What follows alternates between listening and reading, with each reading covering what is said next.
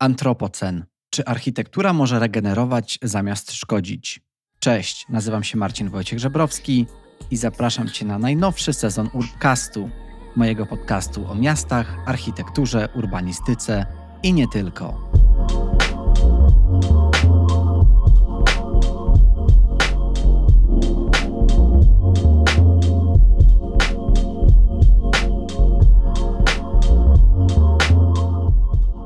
Cześć i witaj nie tylko w nowym roku, ale przede wszystkim w nowym, czwartym już sezonie Urbcastu. Urbcast to podcast, który tworzę od kwietnia 2020 roku i do tej pory udało mi się opublikować ponad 120 odcinków, z czego zdecydowana większość była rozmowami z ekspertami i ekspertkami w dziedzinie miast, urbanistyki, architektury, gospodarki przestrzennej i okolicznych tematów. Jeśli jesteś tutaj pierwszy raz, to pamiętaj, że możesz znaleźć więcej informacji na temat tego podcastu na wszystkich platformach streamingowych, na stronie urbcast.pl, a także na portalach społecznościowych LinkedIn, Facebook oraz Instagram. Dzisiaj chciałem Cię zaprosić na bardzo ważną rozmowę, która dotyczy tego, czy architektura, a także urbanistyka może mieć taki potencjał regenerujący dla naszej planety i czy może pomóc w odbudowie niestety dość mocno zdegradowanego środowiska, czy może zamiast szkodzić, pomóc w odzyskiwaniu bioróżnorodności, którą niestety mm, z dość dużym sukcesem zatracamy Dlaczego w ogóle warto o tym rozmawiać? Myślę, że dlatego, że w dobie kryzysu klimatycznego potrzebujemy nowych sposobów projektowania budynków i miast, które mają przede wszystkim potencjał regenerujący dla środowiska. Zastanawiamy się też dzisiaj w naszej rozmowie, czy są w ogóle limity dla naszego rozwoju, dla naszego komfortu i całej ery antropocenu i jak wzorując się na ekonomii obważanka możemy wyznaczyć pewne limity jednak dla naszego rozwoju, dla budownictwa, architektury i urbanistyki. Moim dzisiejszym gościem jest Kacper Kępiński, który jest architektem, a także kierownikiem działu projektów zewnętrznych i wystaw w Narodowym Instytucie Architektury i Urbanistyki. Antropocen, który widnieje w nazwie czy w tytule tego odcinka, to nie jest słowo przypadkowe, ponieważ Antropocen to jest wystawa, której Kacper jest współtwórcą, kuratorem i Kacpra miałem okazję spotkać, poznać osobiście podczas właśnie oprowadzania po wystawie Antropocen w pawilonie architektury Zodiak w Warszawie. Właśnie dzisiaj będziemy rozmawiać o tej wystawie, ale także o publikacji, o książce, która jest efektem tej, tejże wystawy. Zapraszam Cię na rozmowę. Nie przedłużając, ja się bardzo dużo nauczyłem od Kacpra i mam nadzieję, że Ty również po tej rozmowie sięgniesz po publikację lub być może odwiedzisz kolejną edycję wystawy. Zapraszam na najnowszy odcinek i najnowszy sezon tego podcastu.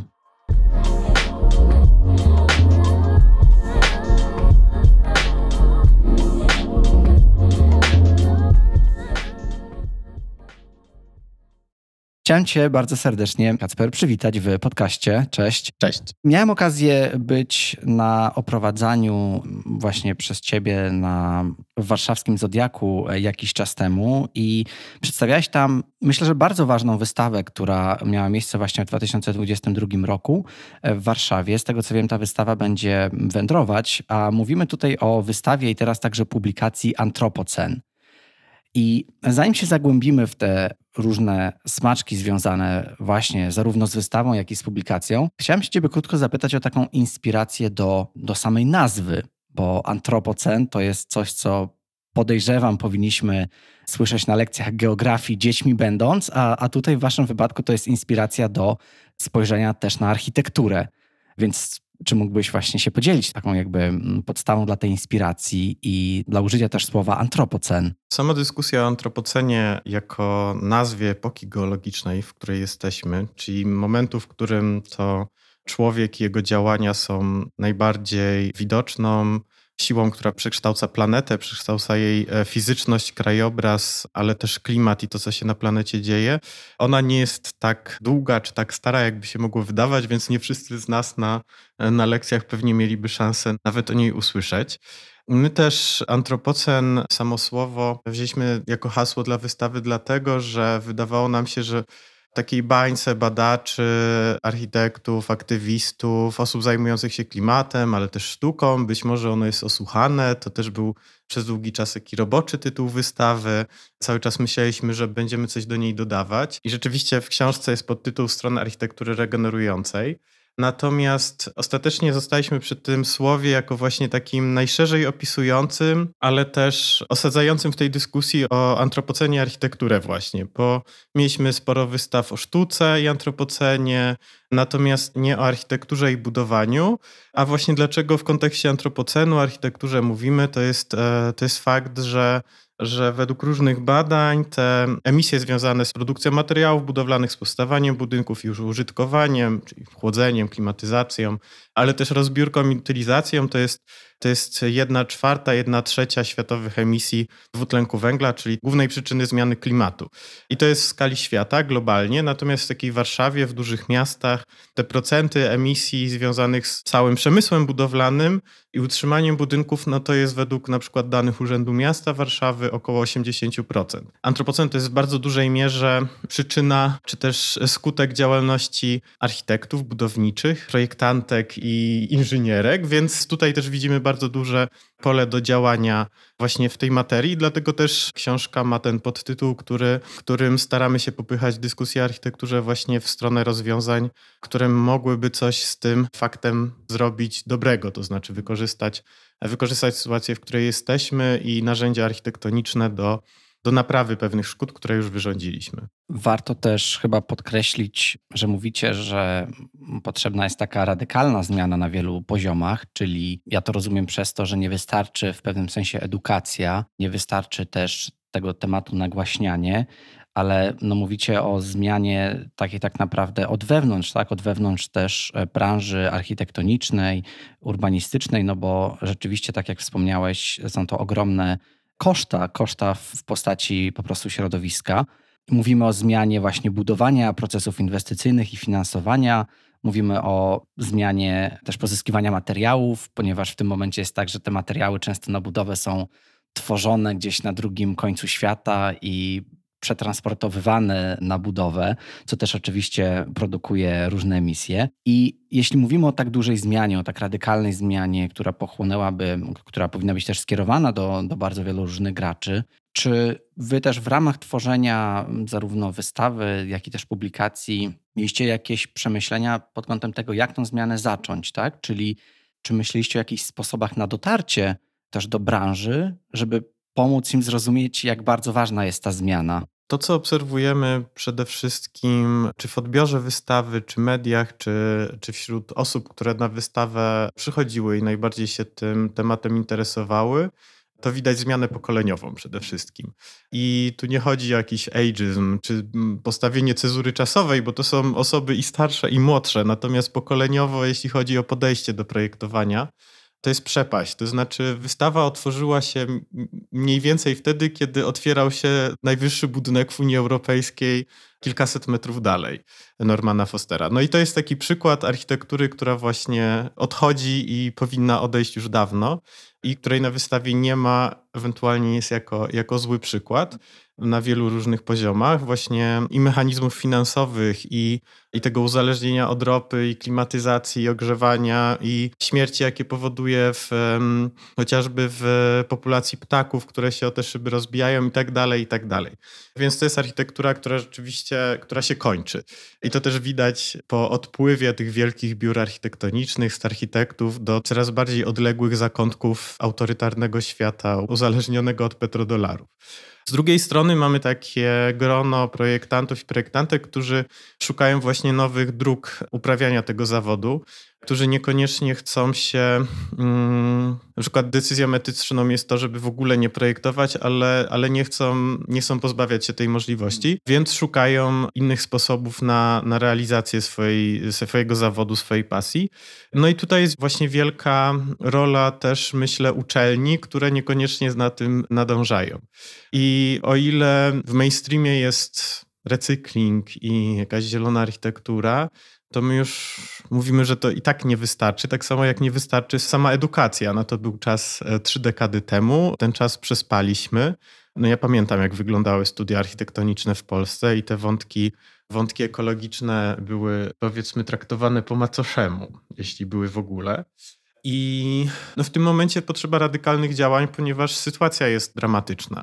I też naszym celem nie było pokazywanie tylko dramatycznej sytuacji, zostawianie mm, widza czy czytelnika w takim zdarzeniu z, z katastrofą, tylko poszukiwanie rozwiązań. Pokazujemy, że architektura ma pewne rozwiązania, czy urbanistyka, którymi dysponuje już od, od dziesiątek lat. Przede wszystkim patrzymy w stronę właśnie ponownego użytku, ale nie recyklingu, tylko ponownego użytku i tych rozwiązań, które architektura wypracowała, czy nawet modernizm wypracował tuż przed klimatyzacją, czyli wszystkich tych rozwiązań, które uniezależniają nas od prądu, od ropy, od węgla, bo stąd pochodzi niestety większość energii, którą zużywamy właśnie na chłodzenie czy ogrzewanie budynków. Więc tu widzimy pole do działania architektury, która może przywrócić narzędzia, którymi dysponowała, powrócić do pewnych praktyk e, projektowych, które utraciliśmy. Nie musimy szukać na siłę innowacji. Oczywiście te rozwiązania, o których mówimy, wymagają dostosowania do współczesnych wymagań. Dostosowania wymaga też prawo, które przez lata było pisane po prostu pod to, co jest dominujące, czyli pod, e, pod producentów klimatyzacji i ogrzewania. Więc to nie jest tak łatwo teraz wrócić do na przykład pasywnych systemów chłodzenia budynków, kiedy normy są tak wyśrubowane, że spełnić je można tylko przy użyciu jakichś super wyspecjalizowanych systemów klimatyzacji. Dlatego mówimy, że ta zmiana jest potrzebna na, na wielu poziomach, ale sama edukacja nie wystarczy, bo samą edukacją nie zmienimy tej branży.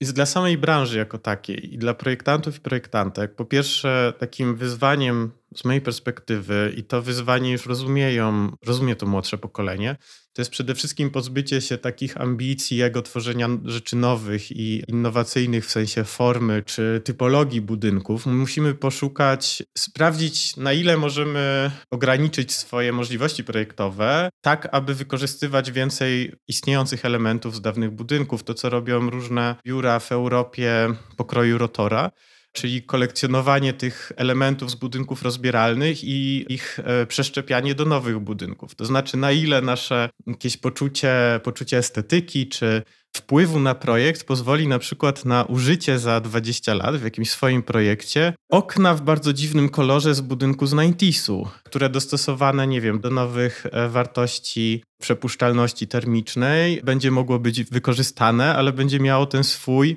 wygląd zupełnie z innej epoki. I myślę, że tu będzie też cała nowa typologia takich budynków patchworków, które które będą musiały być tworzone z jakichś elementów, które ktoś kiedyś zaprojektował, a nie które my projektujemy. Czyli projektowanie architektury trochę zacznie przypominać projektowanie wnętrz, gdzie też przecież pojawiają się stare i nowe elementy i one są zestawiane z bardzo różnych epok. I tak pewnie będzie też z samymi budynkami, o ile będą powstawać nowe. Natomiast drugim takim ważnym dla samej właśnie branży trendem jest otwieranie architektury, otwieranie projektowania na inne profesje. I e, na tym nam też zależało tworząc wystawę i książkę. To nie jest e, publikacja i ekspozycja robiona przez architektów tylko i wyłącznie. Tam są mm, jest fizyczka atmosfery, klimatolodzy, e, socjolodzy, projektantki krajobrazu i tak dalej, i tak dalej. Architektura jest trochę zbyt ważna i ma zbyt wielki wpływ na wszystko wokół, żeby zostawiać ją tylko i wyłącznie architektom i architektkom. I my to, my to staraliśmy się pokazywać, że ich wiedza, wiedza tych osób zajmujących się właśnie wszystkimi tymi obszarami, na które e, budowanie ma wpływ, jest e, konieczna do mm, tworzenia bardziej świadomej, niezrównoważonej, ale właśnie regenerującej architektury.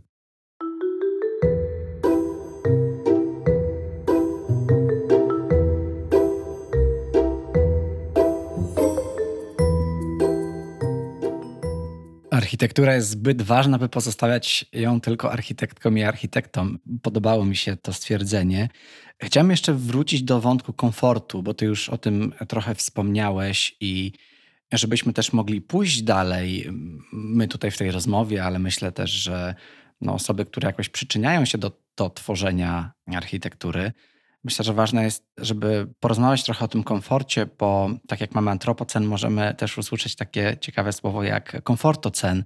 I ostatnio czytałem bardzo ciekawy wywiad Filipa Springera z profesorem Barberem z Politechniki w Sydney, który właśnie opowiadał o tym, jak bardzo my podporządkowaliśmy to projektowanie komfortowi i wspominałeś o klimatyzacji i to, że nastąpiła taka standaryzacja tego, jak wyglądają przestrzenie, na przykład biurowe czy mieszkalne na całym świecie, jaka panuje w nich temperatura, tak? Czyli dotarliśmy do tych około 20 stopni Celsjusza na co dzień i to niezależnie, czy jest się gdzieś w biurowcu w Warszawie, czy na przykład w Singapurze, no to ta temperatura jest podobna i też używa się tej klimatyzacji.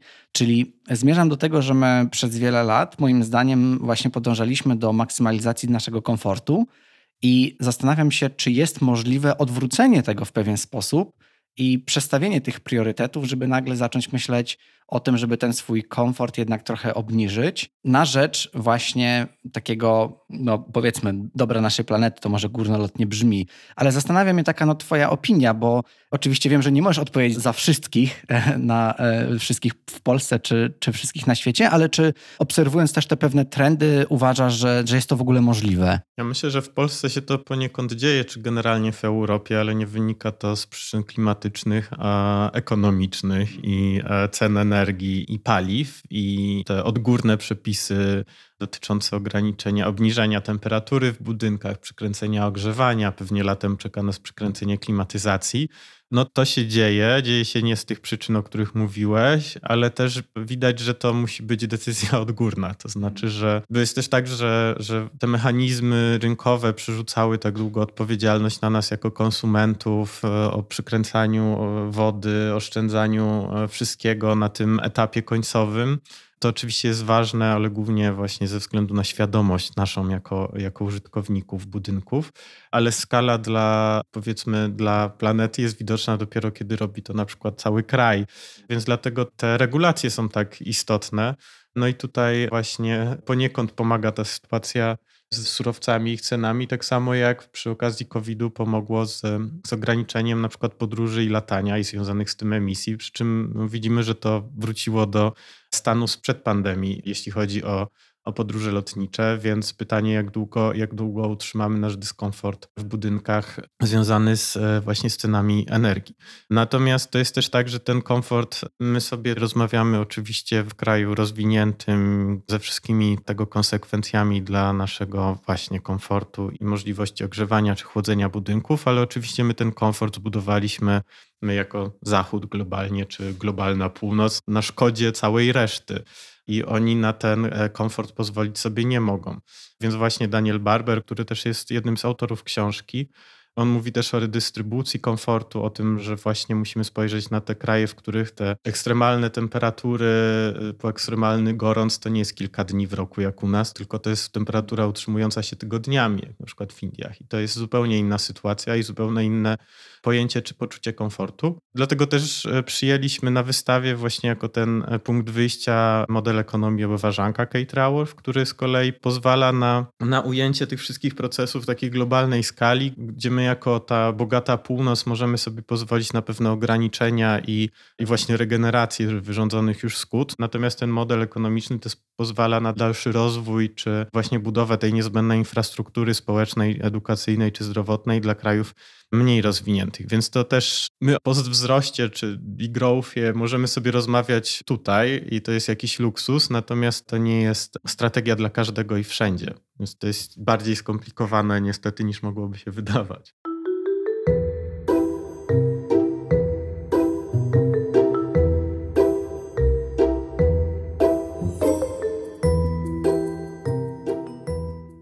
Myślę, że żeby właśnie, tak jak mówiłeś na końcu, móc mówić o obniżeniu tego komfortu, oczywiście trzeba osiągnąć jego szczyt w pewnym sensie, tak? I myślę, że to rzeczywiście się w wielu krajach, no szczególnie na zachodzie, udało. Ale no właśnie, zrobiliśmy to kosztem innych, kosztem środowiska. I zastanawiam się, czy właśnie jesteśmy w stanie się tego teraz trochę zrzec, żeby pomóc jednak światu. Nie wiem, może to, to znowu trochę górnolotnie zabrzmi, ale ogólnie jakby naszej planecie i nasze działania jakby gdzieś umieścić na tym obwarzanku, tak? Pomiędzy tymi dwoma sferami też, o którym e, wspominałeś. i wy też tego używacie do przedstawienia swojej myśli na wystawie, w publikacji również i używacie różnych przykładów. Architektki, architekci i nie tylko tak naprawdę, którzy są częścią tej wystawy, przedstawiałem takie rozwiązania, żeby one właśnie były tą odpowiedzialną architekturą, żeby były między tym pułapem ekologicznym a tą podstawą społeczną.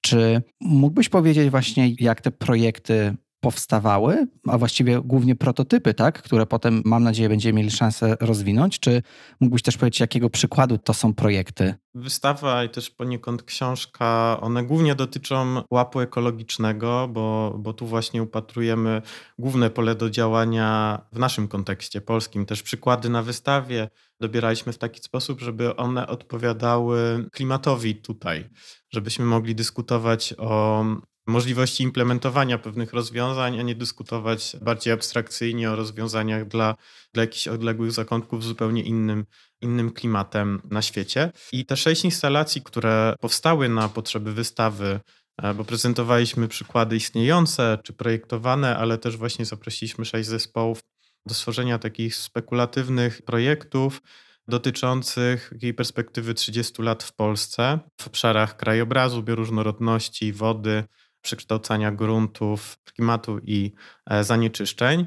I w każdym z tych tematów właśnie osoby zajmujące się danym zagadnieniem, niekoniecznie architekci, przyglądali się projektowym możliwościom rozwiązania konkretnego zagadnienia czy naprawy konkretnie wyrządzonej już szkody. I tak na przykład Marta Tomasiak i Marta Przygoda, czyli architektki krajobrazu, one spojrzały na taką najmniejszą skalę najmniejszą czy najbliższą nam skalę e, ogrodów przydomowych i tuj, które je zdominowały i zaburzyły bioróżnorodność, e, zdominowały krajobraz, ale szukają tam mechanizmów rynkowych, które za tym stoją. Czyli znowu wracamy do właśnie do systemu, który zmusza nas tak naprawdę do kupowania tuj, bo, bo to się szkółkom, e, szkółkom drzewkarskim opłaca, ich produkcja i, i dystrybucja. I ten krajobraz, który w ten sposób niszczymy, on, on jest tak naprawdę krajobrazem właśnie e, kapitału i pieniędzy, a nie naszego, nie naszego wyboru związanego właśnie z tym konkretnym drzewem. One właśnie proponują rozwiązania, które każdy w swoim ogrodzie, w skwerze czy, czy parku może stosować tak, aby nasze ogrody służyły nie tylko, nie tylko nam, nie tylko wartości nieruchomości, bo to też pokazują dane, jak konkretne elementy ogrodów wpływają na wartość nieruchomości, ale też właśnie przyrodzie czy, czy bioróżnorodności. Podobne wątki porusza Kasper Jakubowski, czyli architekt krajobrazu w, właśnie w temacie bioróżnorodności. Projekt Renatura jest o, o czwartej przyrodzie, o roślinach ruderalnych, czyli takich, które mają potencjał ożywiania takiego przyrodniczego, obiektów porzuconych czy miejsc porzuconych przez człowieka, roślinach, które są w stanie rosnąć w bardzo ekstremalnych warunkach. I na wystawie właśnie mieliśmy te, te rośliny zebrane przez Kaspra w bardzo, w bardzo różnych miejscach w Polsce, na porzuconych targowiskach i halach produkcyjnych. I one są właśnie tym, co jest w stanie przygotować grunt pod wzrost bardziej wymagających gatunków. W przypadku wody mieliśmy instalację miastopracowni. Tam mm, projektantki sprawdzały, w jaki sposób usunięcie wałów rudawy w Krakowie i przywrócenie błoniom ich bardziej naturalnego, takiego bagiennego charakteru wpłynie na, na możliwość rozwoju ryb, e, ich bytowania tam, ale też jakie rośliny się pojawią, jaki teren zostanie zalany, bo dużo mówimy o regulacji rzek i renaturyzacji, ale nie w kontekście miejskim, bo to jest też bardzo trudne do przeprowadzenia i też pytanie, na ile jesteśmy w stanie na przykład oddać miasta z powrotem rzece, żeby, e, żeby ją zderegulować. W przypadku przekształcania gruntów, tam zespół architekta i e, socjologa, czyli Krzysztof Janas i Jan Szeliga, oni pracowali nad tym, co dzieje się z większością miast w Polsce, czyli miastami kurczącymi się. I miejscami, które człowiek porzuca, czy jesteśmy w stanie przy użyciu narzędzi planistycznych, takich jak planie zagospodarowania przestrzennego, zabezpieczyć po prostu miejsca pod osiedla nietoperzy, czy, czy właśnie wykorzystując tą nomenklaturę ludzką, wprowadzać obszary, obszary przeznaczone tylko dla zwierząt czy, czy roślin. W klimacie centrala, która też odpowiadała za, za projekt aranżacji samej wystawy, Tutaj Gosia i Simone przygotowali mobile, które są próbą wizualizacji procesów związanych z atmosferą w mieście, z, z pogodą, z wpływem budynków na, na ruch mas powietrza, na wiatry, na temperaturę, wilgotność, czyli to wszystko, na co architektura ma bardzo duży wpływ. Natomiast jest to wiedza poniekąd zapomniana, jest to wiedza też nie, nie skodyfikowana, jeśli chodzi o rysunki, więc, więc to też jest taki projekt poszukujący możliwości pokazywania tego typu niewidocznych dla człowieka procesów, które projektując zaburzamy. I tu właśnie z kolei autorzy wychodzą z takiego założenia, że ład termiczny jest tak samo ważny jak ład przestrzenny w mieście i takiego sposobu jego, jego obrazowania czy mówienia o nim poszukują. No i ostatnia instalacja z tych, z tych sześciu to, to Nazdra i tutaj mówiliśmy o możliwościach wykorzystania zanieczyszczeń w Zatoce e, Puckiej, zanieczyszczeń związanych właśnie z tym, co do tej zatoki wpływa, ze wszystkimi nawozami, odpadami i pestycydami, które później umożliwiają wzrost, niekontrolowany wzrost e, i kwitnienie sinic, alg i wszystkiego tego, co później postrzegamy jako zanieczyszczenie takie biologiczne. Z jednej strony te rośliny mogą być wykorzystywane do oczyszczania tej wody, właśnie z tych związków, które do niej wpływają, z drugiej to też jest pewien zasób, czyli zanieczyszczenie jako, jako zasób roślin dla przemysłu, dla, mm, dla lecznictwa, dla, dla branży spożywczej. No tam właśnie na, na wystawie pokazywaliśmy różne gatunki, które, z których każdy ma jakieś właściwości użytkowe dla człowieka, tylko nie są one wykorzystywane. Tutaj też autorki badają, badają możliwość rozwoju w przyszłości e, farm i uprawy roślin jadalnych na terenach na przykład czasowo zalewanych przez wody słone, bo to będzie problem na przykład kujaw. E, czyli co, co będziemy w stanie hodować na, na gruntach, które są stale zasalane bo to też jest wyzwanie dla rolnictwa przyszłości. Więc tutaj też pokazujemy, że, że z pewnego zasobu nie, jeszcze nie korzystamy albo nie umiemy korzystać, ale też rozwiązania są, są poszukiwane i to też jest taki projekt, który będzie, e, będzie przez, przez NASDRY dalej rozwijany.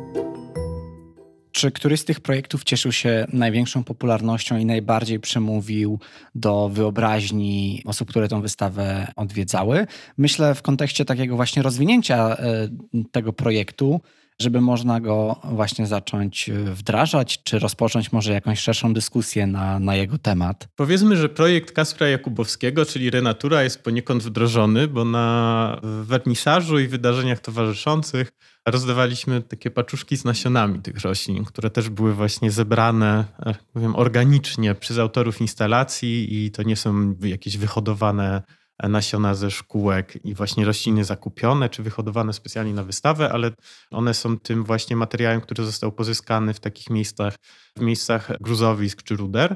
I one częściowo zostały wysiane i sobie gdzieś rosną. Zresztą w przypadku architektury krajobrazu, jeśli porównamy sobie projekty sprzed 10 lat i dzisiaj, to jest to zupełnie inny krajobraz. To znaczy jeszcze 10 lat temu to były równo przestrzeżone trawniki, ozdobne drzewa, jakieś kuliste robinie i i bukszpany, a teraz ta bioróżnorodność jest już takim, ona jest też modna, to znaczy te e, jakieś wysokie trawy, haszcze, niekoszenie trawników, ule w miastach, to jest e, to jest e, już tak naprawdę must have każdej inwestycji. Nie da się zaprojektować chyba już nic z takim wygolonym trawnikiem z rolki. Natomiast to, to co pokazuje Kasper, to, to, że to jest krok w dobrą stronę, ale jeszcze niekoniecznie wystarczający, bo to są wciąż często projekty, które wymagają bardzo dużych nakładów e, związanych z utrzymaniem tych roślin, bo to są wciąż rośliny jednak ozdobne, e, czyli one wymagają przycinania, pielęgnacji, ale też nawożenia, nawadniania, z którym będziemy mieć bardzo duży problem. Więc te rośliny, o których mówi e, Kasper z kolei, to są rośliny, które tego wszystkiego nie potrzebują, a i tak sobie poradzą. Przy czym są mniej, mamy na nimi mniejszą kontrolę, one rozsiewają się w miejscach, które niekoniecznie byśmy chcieli, więc to są rośliny, które możemy wprowadzić albo możemy zaprosić do naszego projektu, zostawiając dla nich miejsca, nie projektując konkretnych e, gatunków czy nasadzeń, ale musimy przyjąć, że nie będziemy mieć nad nimi ostatecznej kontroli. Takim projektem, który też jest bardzo łatwo wdrażalny i też bardzo wiele osób zaczęło w ogóle widzieć te mechanizmy, które stoją za ich wyborami, no to jest ten projekt związany z tujami, czyli mądrość ogrodu i tu też są bardzo łatwe narzędzia, które każdy z nas może zastosować, o ile ma ogródek, albo wymagać od zarządcy swojego terenu. Więc to są takie najbardziej wdrażalne e, z projektów, które mamy. Takim projektem mającym duży potencjał wdrożeniowy, ale wymagającym badań i właśnie z takim podejściem bardziej naukowym. To jest ten projekt Bałtyckiego Laboratorium Nazdry, gdzie, gdzie rzeczywiście trwają badania nad możliwościami hodowli alg na wodach czy konkretnych konstrukcjach, które by tego wymagały, ale też badaniem właściwości tych roślin. Natomiast to jest projekt już bardziej, to, to, to jest perspektywa już kilkunastu lat co najmniej, ale takie e, działania prototypowe są prowadzone, więc, więc to też laboratorium, które pokazywaliśmy, to też jest pewien zapis procesu, który się dzieje, a nie coś stworzonego od podstaw na, na wystawę. Różne projekty docierały też do różnych grup odbiorców i tak samo, tak samo z mobilami centrali, one były atrakcyjne także dla dzieci, więc to, to też e, w tym projekcie też nie chodziło o jakiś potencjał wdrożeniowy, jeśli chodzi o innowacyjne rozwiązania, tylko bardziej zauważenie, zauważenie pewnych e, zjawisk, które w mieście się dzieją i pobudzenie dyskusji, czy pokazanie tego graficznie, więc to, to myślę, że też się poniekąd udało. Natomiast to są właśnie pewne, pewne wycinkowe rozwiązania, które dotyczą, e, dotyczą głównie skali jednak urbanistycznej czy, czy regionalnej. Natomiast w, w, przypadku samej architektury, i tu też tu są te dwa wątki, o których mówiłem, które też podkreślaliśmy na wielu wydarzeniach, też, e, też cieszyły się zainteresowaniem wiem, w trakcie oprowadzań, to jest ten ponowny użytek i te rozwiązania pasywne. Modernizm przed klimatyzacją, czyli to też wracamy do Barbera. To są zagadnienia, które bardzo cieszyły się zainteresowaniem. To też wynika z tego, że mamy bardzo dużo ciekawych przykładów, ale też ikonicznych budynków, które te rozwiązania w sobie mają pochodzą z lat 60., kiedy, kiedy klimatyzacja raczkowała. I one są znanymi przykładami świetnej architektury, i ludziom jest łatwo je docenić, ale też zauważyć, że tam za tymi rozwiązaniami estetycznymi stoi jakaś mądrość związana z ich funkcją użytkową i klimatem, i to jest właśnie takie odkrycie, tak samo jak skala dworca centralnego i jego podziemi, który pokazywaliśmy na, na wystawie, czy czy Buwu, który pokazywaliśmy jako ten przykład, który wiele zmienił, ale który nie powinien być dalej używany jako, jako przykład w jeden do jeden do kopiowania, tylko, tylko też wiążą się z nim pewne problemy. Czyli, czyli te wszystkie miejsca, które znamy, a które mm, właśnie dzięki, dzięki tego typu wystawom czy, czy publikacjom możemy interpretować na nowo. I tutaj z kolei też mogę odesłać do e, tekstu Filipa Rama w książce, który e, pisze naturalną historię architektury, czyli przez ten pryzmat e, właśnie klimatu, biologii naszego ciała i, i procesów klimatycznych, pogodowych i sprawdza w jaki sposób ta architektura była tworzona przez wieki i w jaki sposób jakie rozwiązania, rozwiązania klasyczne z renesansu, jak one odpowiadały, nam się teraz wydaje, że to są jakieś zabiegi kompozycyjne, ale jak one tak naprawdę odpowiadały mm, uwarunkowaniom klimatycznym. Na zakończenie w imieniu kogoś, kto teraz słuchał naszej rozmowy, ale nie udało się mu być na wystawie w Warszawie, gdzie tak naprawdę możemy szukać dalszych śladów. Wiemy, że jest też książka, która powstała jako takie podsumowanie e, tej całej wystawy. No ale właśnie, ktoś, kto poczuł się teraz zainspirowany, gdzie może szukać dalszych wskazówek związanych z, z antropocenem? Wystawa w Warszawie się zamknęła, ale wystawa we Wrocławiu to wiosna 2023 roku. Możliwe też, że będą kolejne lokalizacje, ale to o tym będziemy informować wkrótce. Książka w języku polskim już dostępna i tu zapraszamy na niaju.pl. Tam też przewodnik wirtualny po wystawie, a książka w języku angielskim, właśnie premiera, premiera w trakcie pokazu wystawy w Muzeum Architektury we Wrocławiu. Natomiast takich ze źródeł bardziej multimedialnych jest sporo nagrań ze wszystkich wydarzeń, które prowadziliśmy online i stacjonarnie, też częściowo z autorami książki, rozmowa z Elkę Krasny i Dorotą Leśniak-Rychla, która porusza te wątki, wątki społeczne. Jest też rozmowa bardzo ciekawa właśnie Aleksandry Kardaś i Filipa Rama z, z Adrianem Kreżlikiem, drugim kuratorem wystawy, którzy mówią o tych wątkach klimatycznych, mikroklimatycznych w architekturze czy nagranie z e, wykładu Daniela Barbera, więc te wszystkie wątki, o których mówimy, można sobie też po prostu obejrzeć.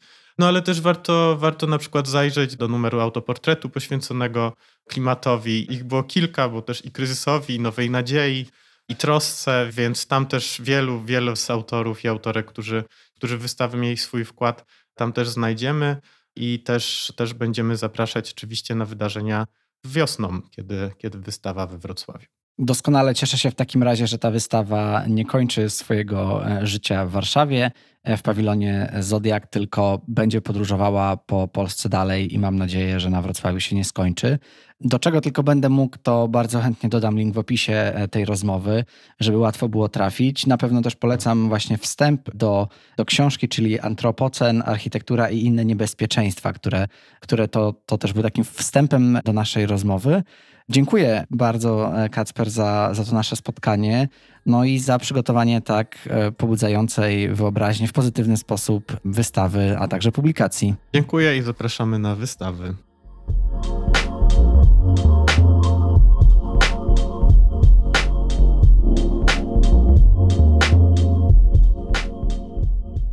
Dziękuję Ci za wysłuchanie tego odcinka podcastu i mam nadzieję, że był on dla Ciebie wartościowy i że czegoś nowego udało Ci się dowiedzieć. Jeśli tak było, będę bardzo wdzięczny, jeśli wesprzesz mnie i ten podcast dowolnie wybraną przez siebie wpłatą w serwisie Patronite, który pomaga właśnie twórcom niezależnie tworzyć swoje projekty, realizować swoje pasje.